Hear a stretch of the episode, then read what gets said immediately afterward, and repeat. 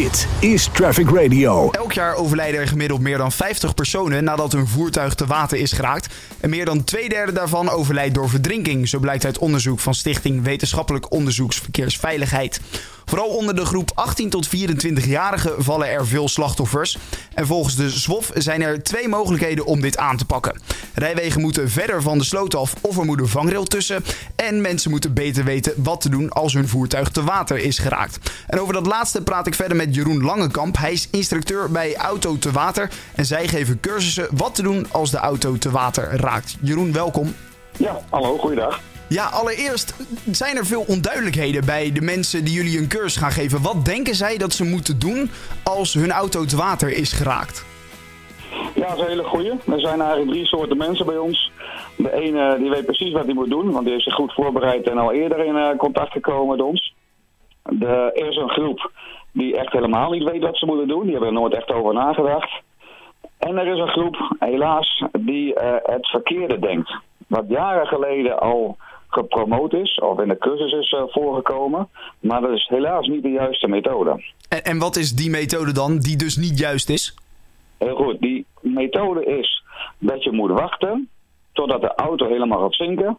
Dat die helemaal vol loopt met water, want dan is de druk binnen en buiten gelijk. Ja. En dan zou je de deur kunnen openen. Dat, dat werd vroeger verteld en dat nou, een derde van onze cursisten denkt nog dat, dat ze dat moeten doen. Ja, zo heb ik hem eigenlijk ook altijd wel geleerd. Maar dat is dus, zeg jij, niet wat we moeten doen. Wat moeten we dan juist wel doen? Je moet niet wachten, je moet direct de auto uit. Eruit door de ruit noemen we dat. Oké, en, en hoe kan je dat dan? Moet je dan het ruitje naar beneden, eh, ja, zeg maar, draaien of, of via de elektrische knopje? Of, of hoe, hoe werkt dat dan? Ja, je moet gewoon proberen je raam te openen. En dat kan inderdaad door te draaien met een oudere auto. De nieuwe auto is helemaal aan Elektra. Ja. Heel vaak werkt die Elektra nog wel. Dus gewoon proberen. Maar als je nou geen raambediening hebt, bijvoorbeeld met een uh, tweedeurs en je zit achterin, of in een busje en je hebt maar één kant een schu- uh, schuifdeur, Ja. dan zul je dus je eigen raam moeten openen met een, een hamer of een ander toeltje. En dan zie je dus ook gelijk waarom het vroeger niet goed was. Want wachten tot je de deur kan openen, als je helemaal geen deur hebt, is dat al een heel groot probleem. Dan ben je afhankelijk van anderen. En dat wil je niet. Wil je door je eigen ruitje eruit gaan. Ja, inderdaad. Anders zou je naar voren moeten kruipen en daar dan via de voordeur eruit moeten gaan. Dat is dus, dus onhandig. Uh, waar gaat het dan vooral fout bij mensen die, uh, die, zeg maar, um, nou ja, jullie cursus volgen en te water raken? Nou, de mensen die onze cursus volgen doen het gelukkig allemaal goed. Dat scheelt. Die gaan het allemaal heel goed doen en een aantal keren te water. Ja. Uh, waar het fout gaat, ja, soms heb je gewoon echt pech. Je kan natuurlijk op een hele slechte manier te water raken en dan heb je gewoon pech. Maar het schijnt dus toch zo te zijn dat een uh, merendeel van de mensen die het niet overleeft helaas, niet uit die auto komt en door verdrinking om het leven komt. En dat hopen wij met onze cursus toch in ieder geval duidelijker te maken dat je in ieder geval niet moet gaan wachten. Ja, en daar moet gaan handelen. En paniek zal daar denk ik ook een grote rol in spelen. Ja, op het moment dat je bij onze cursus volgt, ga je eerst rustig te water. Even kijken hoe alles werkt, hoe uh, de duikers in het water zijn, hoe watertemperatuur is, hoe het zicht is, al dat soort dingen. En de tweede keer ga je bij ons via een stappenplan te water. En dat stappenplan, als je dat eenmaal door hebt en snapt, dan heb je eigenlijk helemaal geen ruimte om in paniek te raken. Dan ga je door dat stappenplan heen en dan ben je al je auto uit voor je door hebt bijna. Ja, en dan zou je dus inderdaad een soort van gewoon uit een soort, uh, nou ja, uh, planning zou je dan moeten weten hoe je uit die auto moet komen. Uh, dat is dus vooral als je in de auto zit. Wat je dan moet doen is eigenlijk niet wachten, zeg jij, maar zo snel mogelijk ruitje open tikken en eruit gaan. Wat nou als ik dit zie gebeuren en ik zie dat iemand te water raakt, wat zou ik dan kunnen doen als omstander zijnde? Zonder eigenlijk zelf in gevaar te komen. Ja, dat laatste is het belangrijkste natuurlijk ja. voor jezelf. Als je niet vertrouwt, niet het water in gaan. Dan kan je beter de hulpdienst uh, bellen. Dat is sowieso natuurlijk altijd heel goed om eerst te bellen. Zodat je ook weet dat er uh, hulp onderweg is. Ja. En wat je dan doet, als je te water zou gaan en je zou naar die oude toe gaan. Uh, als je alles goed hebt afgewogen tegen elkaar dat het kan.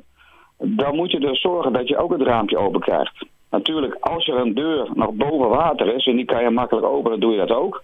Of er nou een achterklep is of een zijdeur of een schuifdeur. Dus probeer in ieder geval te zorgen dat die persoon uit de auto kan.